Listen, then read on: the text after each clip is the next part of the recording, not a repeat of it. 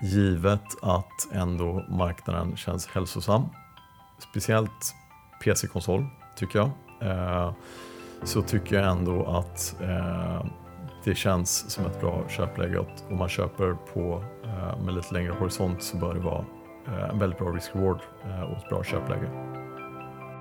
Det här är Investera och agera special. En podcast från Carnegie Private Banking. Varmt välkomna till ett specialavsnitt av Investera och agera. Och ni lyssnar på mig, Jonas Serafsson, som är börsredaktör på Carnegie Private Banking. Och eh, idag när vi spelar in då så är det onsdagen den 29 september 2021.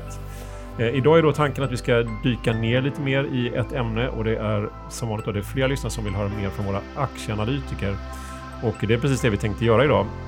Eh, och gamingsektorn då, som vi ska titta närmare på idag skördade väldigt stora framgångar förra året när coronapandemin bredde ut sig och eh, tvingade folk att stanna hemma och kanske spela datorspel betydligt mer än tidigare.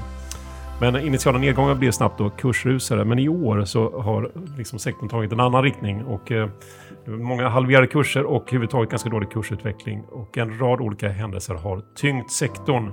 Så det är onekligen stora rörelser i gamingsektorn och där det finns rörelser finns det ofta investeringsmöjligheter och det tänkte vi försöka reda ut lite grann mer idag. Och då har vi hjälp av vår gaminganalytiker på Carnegie som är Oskar Eriksson. Varmt välkommen till podden. Tack så mycket Jonas, kul att vara tillbaka. Ja, kul att ha det här då. Och eh, sen sist du var här med oss faktiskt för typ två år sedan, så i september 2019, då, då har sektorn vuxit eh, både numerärt och i storlek och vi har fått flera nya gamingbolag om inte annat. Eh, och din bevakning har vuxit också. Jag vi ska börja där. Hur ser ditt coverage ut idag? Absolut. Eh, nej, men till att börja med så har jag då de bolagen som jag hade senast eh, när jag var här. Eh, och det är ju de eh, bolagen eh, inom mobil och PC-konsol, det vill säga Paradox, Embracer, Stillfront, G5, eh, MTG har ju blivit allt mer gaming också, eh, huvuddelen nu. Och sen har det då till, tillkommit två stycken gamingbolag i mitt coverage. Eh, första är Thunderful Group eh, och det andra är då Fractal Gaming som är faktiskt ett hård, lite hårdvaruinslag då eh, i, i mitt gaming coverage, men definitivt liknande drivkrafter eh, skulle jag säga. Mm. Eh, och eh, du var som sagt med då för ungefär två år sedan och jag roar mig här att eh, faktiskt göra en tillbakablick och titta lite grann på kursutvecklingarna och eh, kanske i den här gamingkvartetten och Paradox och Stillfront, Embracer och G5 valde jag av dem vi eh, pratar om då lite grann. Och eh, om man tittar på breda index så faktiskt upp 50 procent sedan dess, eh, lite drygt 50 procent. Och eh, sämst av de här har faktiskt Paradox gått då som eh, och jämnt plus, men de var väl upp typ 140 procent där fram till i höstas innan den har backat rejält av kanske bolagsspecifika skäl då, men, eh, som vi kanske kommer in på. Men, och sen har vi då Stillfront som har dubblats under tiden, men också hade upp över 300 procent så sent som i februari i år, men har sen då halkat ner rejält. Också anledningar som vi kommer in på senare här. Eh, Embracer eh, var också upp 240 procent så sent som i april i år, så att den är den som har gått bäst längst. Men har också kommit ner rejält här på slutet, så det är fortfarande en dubblare sen, sen för två år sedan där. Och även G5 då, som kanske varit mest volatil, halverades då i samband med corona, gick väldigt dåligt, men har sen utvecklats bäst av den här kvartetten, så nästan upp 150 procent. Eh, utlämnade MTG där som inte kanske var så renodlat gamingbolag när vi pratade vid förra gången. De har en del e-sport och sånt där. Då. Men det är bitvis hög avkastning då, får man säga, men väldigt kraftiga rörelser. Nu tänkte jag börja med en bred fråga här, Oskar. Alltså, hur, hur, hur skulle du vilja beskriva läget eller sentimentet? Alltså vilka, vilka faktorer är det som har så att säga, skakat om sektorn, som man får säga, som ändå i grunden har många positiva faktorer? Vad, ordet är ditt. Ja, nej men eh, det, det, finns mycket att prata om eh, bara, bara den här frågan skulle jag säga. Men man kan ju säga i alla fall att det har varit eh, en tvåårsperiod av två halvor kan man ju verkligen säga. Både avkastningsmässigt och kanske operationellt och multipelmässigt. Eh, för nu har ju definitivt multiplarna kommit ner efter att ha kommit upp eh, väldigt mycket under 2020 skulle jag säga. Eh, men om vi börjar då med eh, 2020 eh, så var det ju ett speciellt år i termer av eh, covid-utbrott och där gaming ändå får kategoriseras som en av de absoluta vinnarsektorerna. Det var ju en ganska unik kombination då av att folk hade mer tid hemma. Man hade mer pengar att spendera på eh, digital underhållning eh, och gaming när man inte då spenderar på resor och, och, restauranger, fysiska nöjen och så vidare. Eh, men även, eh, skulle jag säga, för kanske specifikt egentligen för mobilspelsbolagen och också eh, eh mindre konkurrens från andra sektorer. När andra sektorer drog in på marknadsföringsbudgeten så kunde gamingbolagen gasa eh, och ta in mer kunder som var väldigt mottagliga till att spela mer såklart i, i den situationen. Eh, och det där gynnade ju bolagen under stora delar av 2020, skulle jag säga. Mm. Eh, man kunde, när det normaliserades lite grann så kunde man dra ner på marknadsföring, göra det mer selektivt, men ändå satt folk hemma till ganska stor del eh, och spelade. Eh, eh, så att eh, man är inte helt förvånad över en trögare performance för sektorn i år efter ett fantastiskt 2020 Eh, och speciellt kanske nio månader under 2020. Eh, så det är man inte förvånad över, men jag är ändå förvånad över hur svagt eh, sektorn har gått i år och kanske speciellt sista, sista månaderna. Eh, det kommer vi säkert tillbaka till. Men jag tror att anledningarna till det här är väl dels ett tema eh, som man brukar prata om. Eh, det vill säga att förra årets vinnare Eh, som inkluderar gaming, kanske e-commerce, eh, streamingbolag, eh, som Netflix och sådär, eh, är detta årets förlorare. Det, det, kan man se som kanske ett tema eh, mm. som kanske många tittar på, skulle jag mm. kunna tänka mig. Eh, det ser ut så i alla fall när man tittar på eh, multiplar, skulle jag säga. Sen så har detta förstärkts, skulle jag säga, på mobilsidan, primärt genom Apples förändringar till sitt marknadsföringsekosystem det som brukar eh, pratas om som IDFA. Mm. Eh, det vill säga att man har tagit bort IDFA som är då en typ av cookie. Eh, eh, det står för Identifier for Advertisers. Det har gjort att det är svårare för mobilspelsbolag att eh, veta hur de spenderar pengar, eller snarare hur, vilka kunder de får in och vilken avkastning det är på dem. Eh, och sen har det även varit negativt nyhetsflöde kring eh, reglering i Kina till exempel som, som har eh, haft en påverkan när det har kommit nyhetsflöde kring det. Eh, så att eh, det är väl de huvudsakliga. Sen skulle man kunna möjligen slänga in i mixen där att det är kanske vissa bolag som har eh, operationellt och styrningsmässigt haft lite problem eh, i år. Det kan också få eh, följdeffekter för, för alla bolag i sektorn. Mm. Eh, vi kanske vi kan hoppa in då på några av de sakerna du har tagit upp. Där. Vi kanske kan börja lite omvänt kronologiskt. Då. Mest aktuellt har varit det här Kina Kina-diskussionerna liksom på, eh, med begränsning av speltider. Då eh, eh, vad, vad, vad, kan du säga, vad är det som har hänt och hur, hur påverkar det de svenska bolagen? Ja, nej men det som har hänt då, jag menar, Kina är ju en ganska unik marknad eh, på många sätt. Eh, besluten går ju eh, lite snabbare än i USA och Europa, skulle man kunna säga. Eh, handling eh, händer väldigt snabbt. Eh, och det som har hänt mest nyligen, eh, det har varit en kavalkad av regleringsnyheter från Kina. Men, men en huvudsaklig är väl att man har då eh, infört hårdare begränsningar för underåriga eh, att spela. Eh, personer under 18 år, det vill säga barn kan man säga, eh, och ungdomar, får endast spela en timme per dag på fredagar, helger och under semester. Eh, eh, eller helgdagar kan man säga. Eh, och sen till det här, så i samband med det här, det har varit en, en, ska man säga, en kavalkad, en, en, eh, en utrullning av olika eh, regleringar och, och ingrepp man har gjort. Men, men man har också tvingat stora kinesiska bolag som, som Alibaba och, och Tencent att donera mångmiljardbelopp i, i dollar till uh, social welfare projects. Uh, mm. Det har väl ingen beröring på, på gaming, men jag tror att uh, jag skulle säga att för gamingsektorn då så är det här bidragit till negativt sentiment, definitivt. Möjligen delvis på grund av en, en, begränsad exponering och att man kanske ser eh, Kina som en, en framtida tillväxtpotential. Eh, kan också vara såklart för att det här kan anses förebåda kanske mer reglering i eh, Europa och USA. Eh, personligen så skulle jag kanske tippa på att detta mer är ett tecken på ett eh, överlag svagt sentiment i sektorn, att det här får sån, sån inverkan. För jag tycker exponeringen är låg. Jag tror att man ska inte dra för stora växlingar, för stora växlar av den här typen av regleringar till Europa och väst. Det är väl mer andra typer av reglering som man kan vara orolig för på, på klart längre sikt skulle jag säga. Men, men vilka bolag, svenska bolag är det som har exponering i Kina?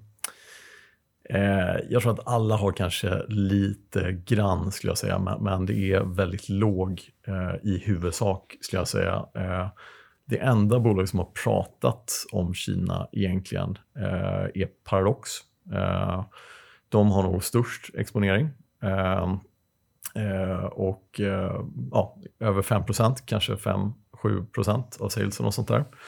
Eh, och för lite kontext här så tror jag att den primära exponeringen mot Kina eh, är nog faktiskt genom eh, Steam som är en, en ledande digital PC-plattform. Eh, där eh, det ändå är ett betydande antal eh, kinesiska eh, spelare Eh, som, som kommer åt eh, den här västländska plattformen eh, därifrån. och där är ju Paradox väldigt starka, det är deras huvudsakliga intäktskälla. Eh, så att de har nog mest eh, exponering skulle jag säga. Eh, sedan när det gäller mobilspel så är det svårt att få nya spel godkända i Kina. Mm. Och det är också en annan smak när det gäller spel, skulle jag säga, och genrer. Eh, och dessutom så behöver man en lokal publisher då, som ofta tar en stor del av intäkterna. Så det, det, är, det, är, ingen stor marknad för mobilspel eh, för våra svenska bolag, skulle jag säga. Eh, mer för kanske de absolut största amerikanska till exempel. Eh, och sen slutligen då konsol.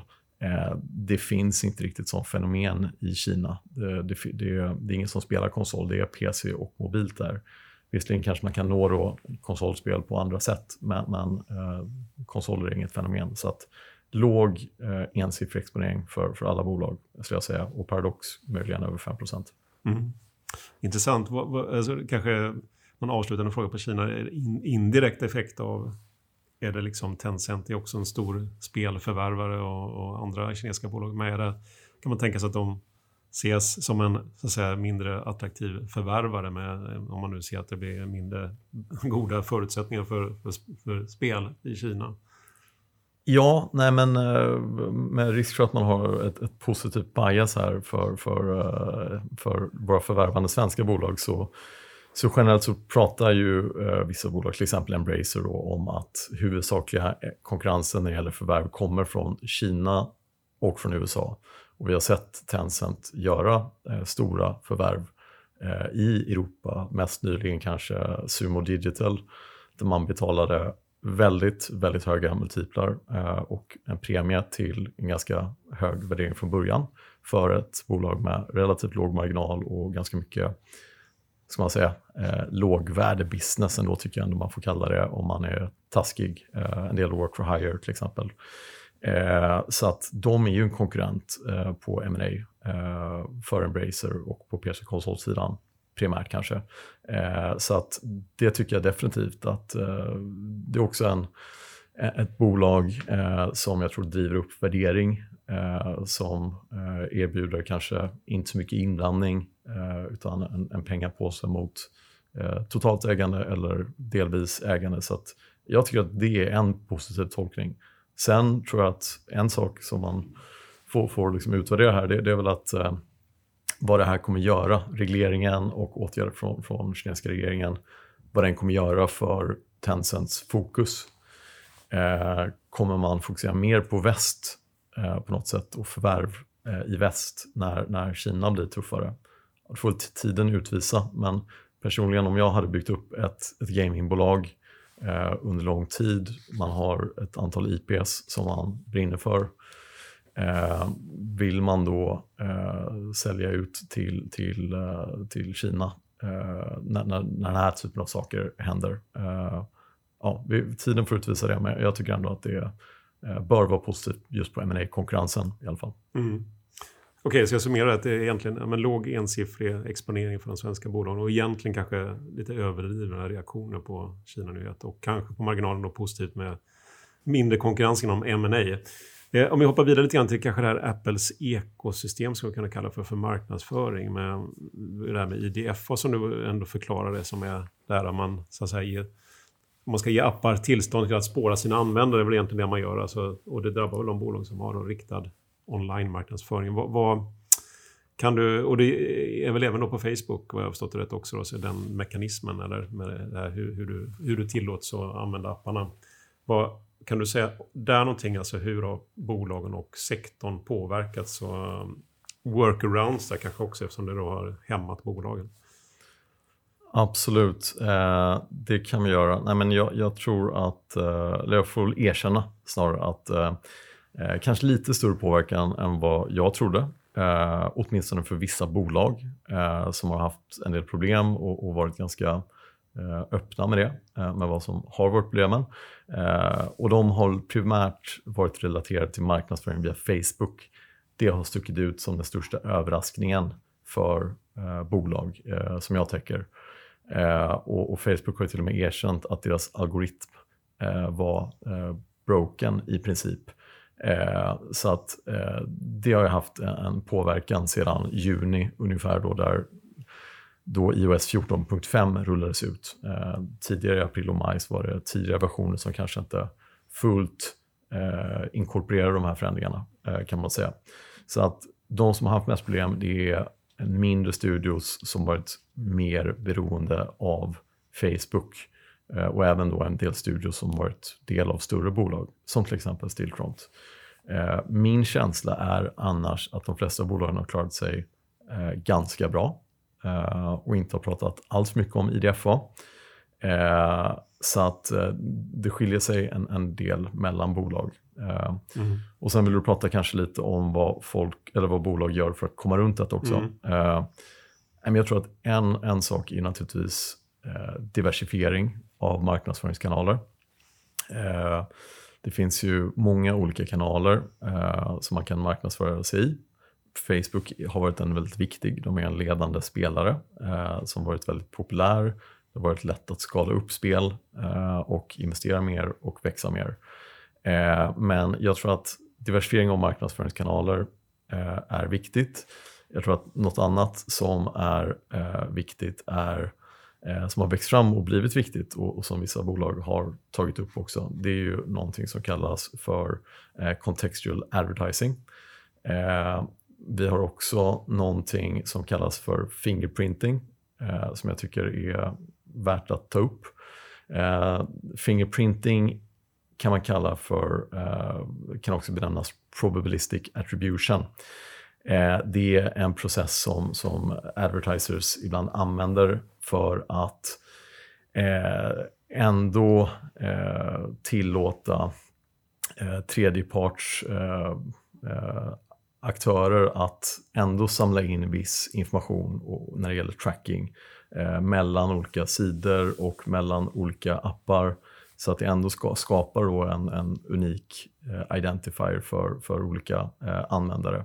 Och sen kan man då matcha aktiviteten eh, i en app eh, som, som till exempel installationer eller eh, in-app purchases.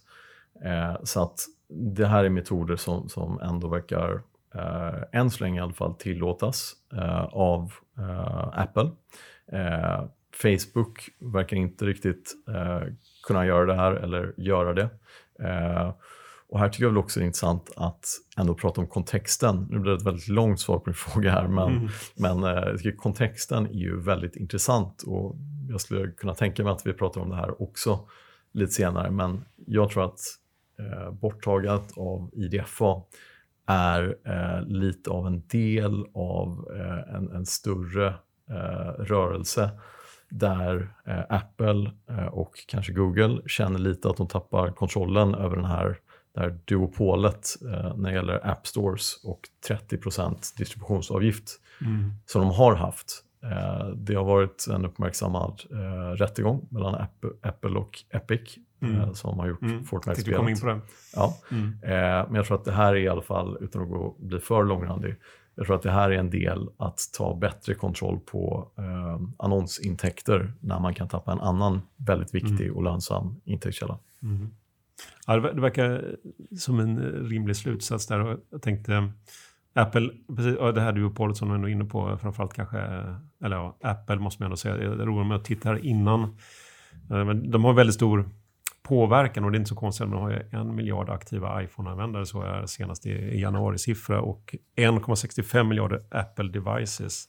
Och, och sen är väl också det här med att den genomsnittliga användaren spenderar så mycket mer än vad en användare gör. Och, men det här är lite grann då flipcoinen då, som du säger. För om, om å ena sidan tar lite tillbaka lite grann här på den marknadsföringen så har de då en helt annan press nu på de här plattformsavgifterna som är eh, både då i App Store och i eh, i Google Play då, som är så att säga, Googles motsvarande App Store. Då. Eh, och det, det, det, tycker jag också kan vara intressant. Det är liksom lite grann flipside då, att det är lite uppsidan eh, lönsamhetsmässigt för många av spelbolagen. Och det har ju framförallt varit enormt lönsamt för Apple, då, alltså en kassako. Så det här har man då pröjsat 30 för varje köp man har gjort där eller 15% för prenumerationer. Då. Det är klart att eh, det är ju, blir väldigt höga avgifter för, eh, för små kanske och medelstora spelutvecklare. Men eh, man kanske också ska ge någon kort bakgrund där. Att det är ju då Epic Games som har, har liksom kanske dragit det här lasset och, mot Apple med Alltså de som ligger bakom Fortnite. När, när de dels börjar utmana den här Steam, alltså speldistributören Steam som de var inne på redan 2019 med en lägre så säga, plattformsavgift. Eh, och sen har den här rättsprocessen då löpt här då mellan Apple och Epic. Eh, eftersom att Epic då marknadsförde lägre priser i Fortnite om man köpte dem direkt av Epic då, alltså gick utanför Apples App Store, var ju deras take. Men det gjorde att de försvann ju direkt från App Store och även då Google Play. Så att de gick ju då, duopolet gick tillsammans där. Men för två veckor sedan tror jag, det var i alla fall i början av september, så kom beskedet till domstolen att Apple ska tillåta appar i App Store. Att de ska kunna ta betalt och använda även utanför App Store. Det blev en vinst då kan man säga för spelbolagen, eller hur, hur, ska man, hur tolkar du det här beslutet? Ja, nej men, eh, delvis en vinst eh, får man väl säga. Eh, jag tror det som kommer hända nu är ju då från december, man fick 90 dagar på sig från Apples sida. Så att i december så bör spelutvecklare, förlag att börja integrera länkar till externa betalningslösningar. Vilket gör att man då bör slippa att betala till Apple det som, så, så det är en stor fördel, eh, för det har eh, tidigare varit ett problem. Eh, det kallas anti-steering, eh, det som eh, mm. Apple har gjort, att man inte kan eh, ens länka eller informera om alternativa betalningslösningar. så, så det är positivt. Dock så kan man inte göra det direkt i appen, så att man, man tappar lite på conversion. Mm. Alla kommer inte hitta den här alternativa betalningslösningen alla kommer inte orka, alla mm. kommer inte tro att det är säkert. Så att man kommer tappa lite på det. Eh, det kommer komma lite kostnader för betalningslösningar, men det är ju ingenting i sammanhanget jämfört med 30 eh, Men såklart ändå positivt. Eh, och jag tycker att bolagen som vi pratar med känns ändå optimistiska. De har erfarenhet och teknik eh, och i vissa fall egna betalningslösningar redan från browser-sidan. Mm. Eh, där man i vissa fall då eh, är ganska stora när det gäller Stillfront till exempel. MTG med, med då Good Game Studios till exempel respektive InnoGames för, för Stillfront och MTG. Så där har man erfarenhet och, och, och känns optimistiska. Det som gör kanske att inte känns som en total seger är just det här att man kan betala direkt i appen med alternativa lösningen. Eh, men också att Apple ändå inte ses som ett monopol eller ett duopol trots då 55% marknadsandel för Apple. Eh, mm. Trots att man har 70% marginal eh, så ses det ändå inte som ett monopol. Så det är väl det som Epic fortfarande är ute efter såklart. Och de har överklagat beslutet också? De har överklagat och mm. sen dess har inte jag hört någonting. Det var två veckor sedan. Eh, men jag har inte hört några mer detaljer sen dess. Men Epic förlorade ju på 9 av 10 punkter. Så att, eh, mm. Mm. Och eh, det var bolag som G5 och de här som, eller vilka var de stora vinnarna på det här beslutet? Ja, nej, men jag, jag tror att det är ändå lite omvänt från IDFA. Så om de som drabbades hårdast av IDFA kanske var, var och är uh, Stillfront och kanske MTG skulle jag säga. Mm. Eh, framförallt Stillfront kanske. Eh, då är det nog kanske lite omvänt här. Att det på samma sätt som då så handlar det om eh, in-app purchases och exponering mot eh, iOS. Så att det hänger ihop allt mm. det här. Så att eh, Stillfront är, är väl de som kanske gynnas mest och då får man titta på hur mycket är mobilexponeringen, hur mycket är från från in-app purchases. Eh, och, eh, så att eh, där kan man säga att jag gissar att ungefär 60% är från in-app purchases och så kanske man kan anta att eh, lite mer än hälften är från Apple. Så då kanske en tredjedel av intäkterna ungefär är in-app purchases på, på Apple. Eh, det är väl en, en, eh, en snabb kalkyl i alla fall. Mm. Ja, då blir det rejäl påverkan då. Ja, beroende på conversion och naturligtvis beroende på vad som händer här. Men, men eh, mm. det bör bli en, en klar positiv effekt. Om vi ska runda av Apples plattformsavgifter. Om du, om du siar här, vad, hur stor är så att säga, avgiften, procentuella avgiften om ja, fem år i App Store? Ja, det var en, en uh, tuff fråga och uh, ska nog välja att inte sticka ut hakan här allt för mycket. Men, men vi säger mindre 30 procent. ja, nej men vi hade ett, vi hade faktiskt ett, ett, till att börja med så hade vi ett, ett seminarium här nyligen i september, Small Midcap seminarium eh, som var väldigt bra tycker jag. Eh, men där, fick, där ställde jag en liknande fråga till Stillfronts vd om han trodde att avgiften skulle vara 30% 2023. Då var i alla fall svaret nej. Eh, och, eh, så, så det är en bra start. Eh, vad mer kan man säga? Man kan säga att Steam tar 12 eh, eh, ursäkta mig, Epic tar 12% Steam tar 20-30 eh, och sen tar Microsoft 12% så att jag tycker ändå det är väl någon form av kanske rimlig range eh, för distributionsavgifter i gaming generellt. Mm. Undantaget är naturligtvis konsoler där hårdvarukostnaden för att tillverka Playstation och Xbox det är en förlust, eh, förlustbusiness. Eh, så där kan man ju motivera högre avgifter än de här helt digitala utan hårdvara. Mm. Så att eh, ja, men jag sticker ut och säger mellan 12 och 25 procent. Mm. Det, det, är inte så långt ut hakan är. Men Vi följer upp om fem år där. Ja. Eh, Okej, okay. hoppa in lite mer på eh, tillväxten då som har varit eh, bonansan förra året här och uppenbarligen då förstås tuffa komps här i år. Men alltså hur ser det ut nu då? Liksom på, eh, du tittar i Steam eller vad du tittar säkert på olika plattformar. Vad, vad, hur ser det faktiskt ut? Har vi inte också fått massa nya spelare? Eller, eller är det så att nu folk slutar spela igen för att eh, ekonomin öppnar upp och det helt enkelt inte samma... Ja, det gör annat helt enkelt. Eller hur ser det ut?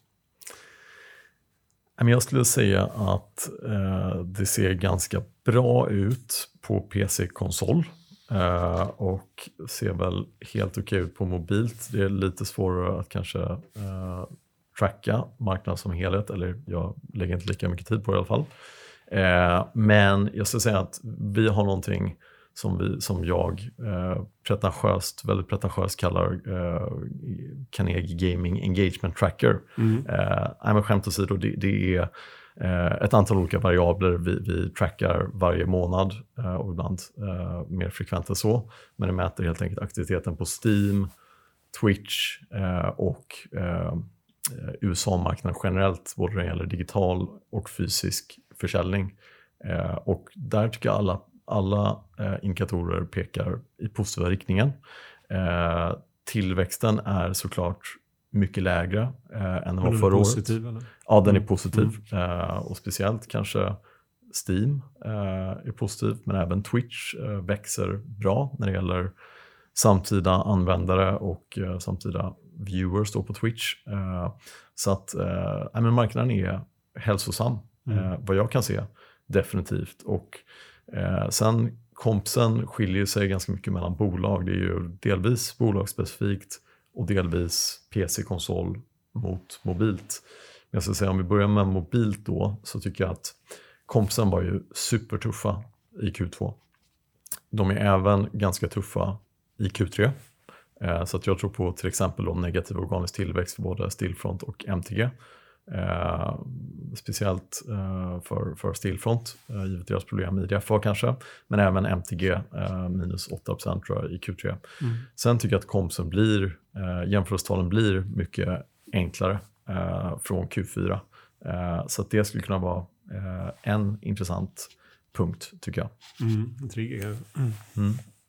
Vad, ehm, precis, som vi kanske ska gå in lite mer på värderingen också som är intressant tycker jag, utan för mycket bakgrund. Vi vet att sektorvärderingen har ju fallit Eh, man tittar inte minst på, tittar på Embracer-estimaten till exempel innan jag gick in här i studion och, och så att ja, men de är upp ganska rejält för 2021. Eh, både organiskt där då, men eh, framförallt kanske förvärv. Men man ser att aktien är nästan stillastående. Så där har du ju en hyggligt stor multipelkontraktion och det gäller ju hela sektorn. Och, även om fast det är en hel del bolagsspecifika saker. Var, varför är Du var inne på lite i början där med tema förflyttning från vinnare till förlorare och så vidare. Men kan man säga någonting mer bara? Varför har liksom kontraktionen varit så här stor? Ja, eh, det är, nej men jag tror att det är, det är, en kombination av alla de här sakerna vi pratade om i början. Eh, tillväxten, eh, organiska tillväxten är lite tuffare. Jag tror på negativ organisk tillväxt för flera eh, bolag i, i innevarande kvartal. Eh, och, och innevarande alltså Q3 då? Ja, Q3, på, på exakt. har vi Q4. Ja, nej, men exakt, exakt. Men även Q4 sen, eller det, kommer det vara tillväxt där? Eller?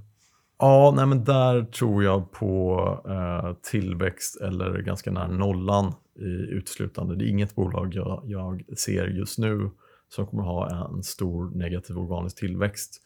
Eh, faktiskt. Eh, som det ser ut nu. Eh, så att, så att eh, det, det, är en intressant inflektionspunkt på så sätt eh, ändå skulle jag säga. Men annars tror jag att det är mycket liksom, att det är out of favor det späs också på av utflöden och eh, nedskalningar och positioner när ehm, eh, aktier och en sektor går dåligt. Så det blir, det går, momentum går ju åt båda hållen och det gäller ju även värderingar faktiskt. När tillväxten är hög, även om de flesta vet att den kanske inte är uthållig till, till nästa år, då, så är det ändå så att momentum och eh, sentiment eh, går båda vägarna. Eh, så att eh, tillsammans med, med IDFA så, så har det varit tuffare. Och sen när det gäller olika bolag, vissa har kommit ner mer, men vissa bolag eh, har lite tuffare att göra M&A till exempel också, som kanske har varit delvis inbakat i vissa värderingar. Mm. Eh, och, och, vissa bolag har också en, en, sämre balansräkning, eller inte lika mycket utrymme för M&A i alla fall. Mm. Eh, där tycker jag inte Embracer passar in, eh, men det kan vi kanske återkomma till. Mm. Eh, det, precis, det, vi, vi, kommer väl in där faktiskt på... Är, det här, är det kanske inflationspunkten igen möjligen då på, i alla fall där tillväxtmässigt. Men är, är det köpläge i sektorn tycker du eller? Generellt? Ja, eh, det tycker jag definitivt. Eh, före Q3, efter Q3. Eh, men jag tror att givet den låga värderingen i sektorn, givet att ändå marknaden känns hälsosam, speciellt PC-konsol, tycker jag. Eh, så tycker jag ändå att eh, det känns som ett bra köpläge. Och om man köper på eh, med lite längre horisont så bör det vara en väldigt bra risk-reward och ett bra köpläge. Och då måste vi förstås fråga dig, vad ska man då köpa? Om du nämner din absoluta, ditt topic i sektorn, vilket bolag är det?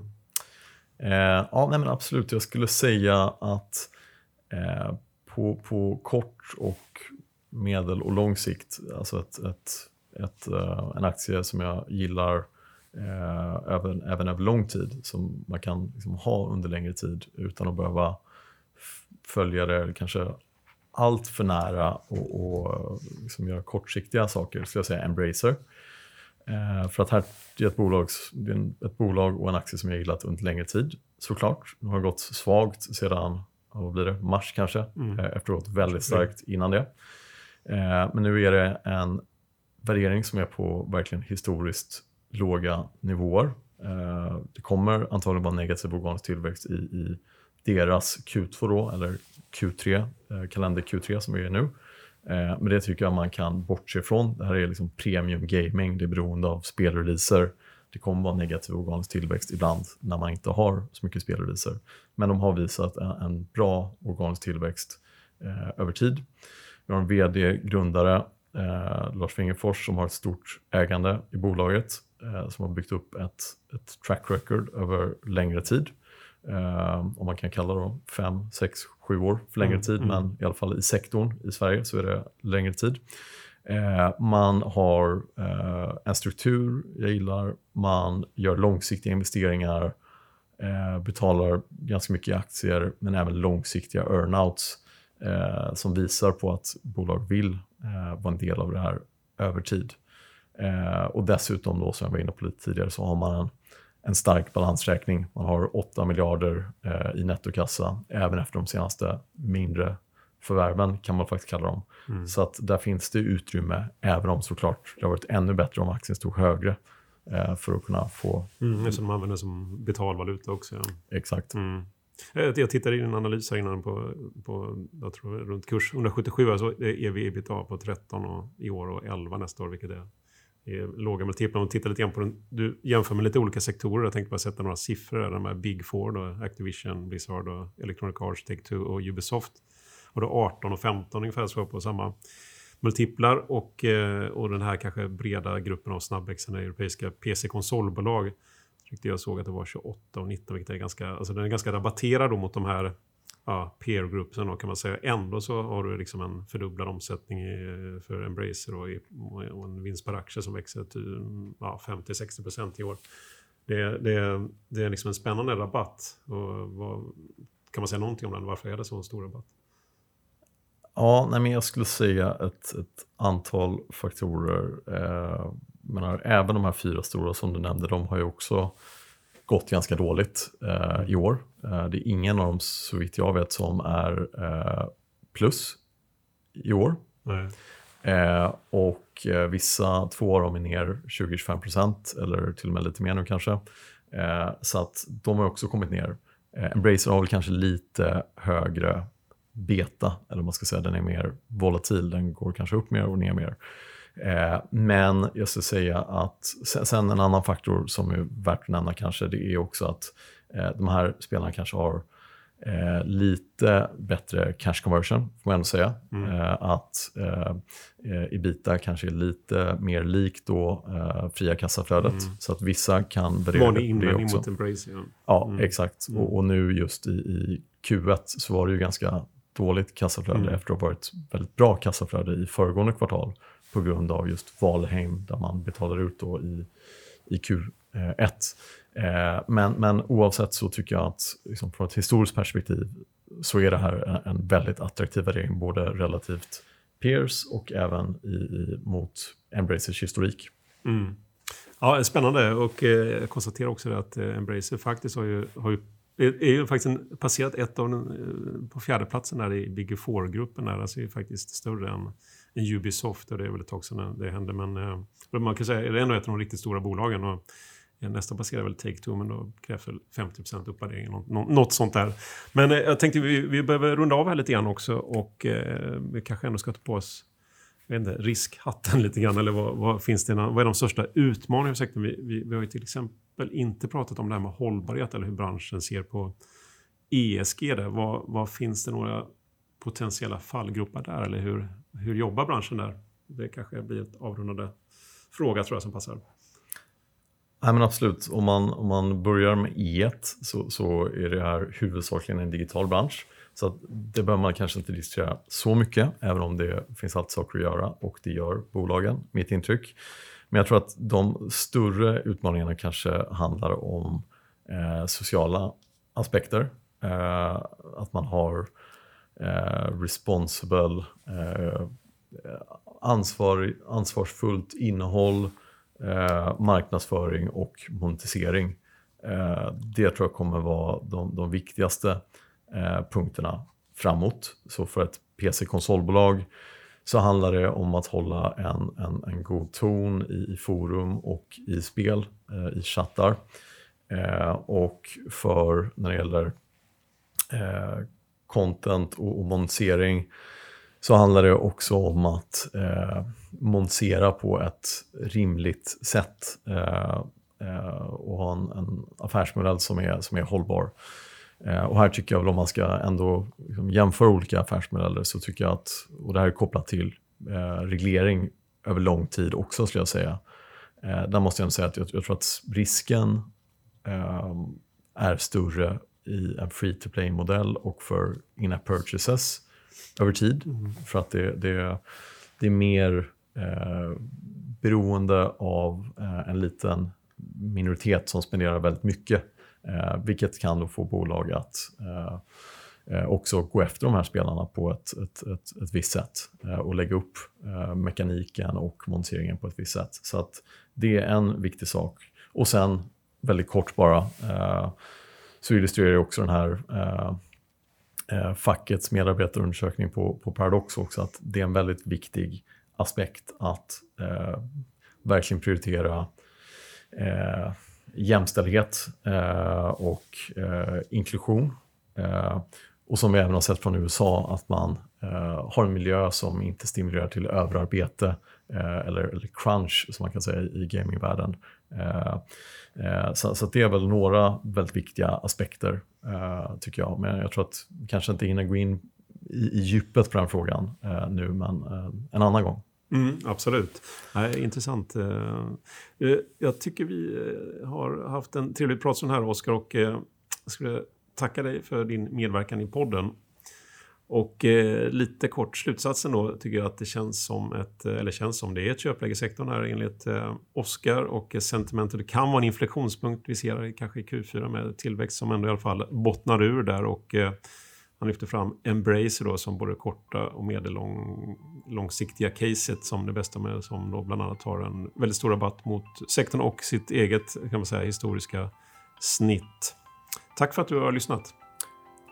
Aktierna som nämndes är en sammanfattning av Carnegies analys som publiceras för Carnegies kunder i september 2021 för Embracer och i september 2021 för Stillfront och i juli 2021 för G5 och i september 2021 för Thunderful Group och i juli 2021 för MTG och i augusti 2021 för Paradox och i augusti 2021 för Fractal Gaming. För mer info om aktien finns länkat i beskrivningen till den här podden. Historik och underlag kan du få ut genom att mejla mar information at carnegie.se. Du har väl inte missat veckans aktiecase? Skriv upp dig på vårt nyhetsbrev på carnegie.se privatebanking för att ta del av aktierna och investeringarna vi tror på just nu.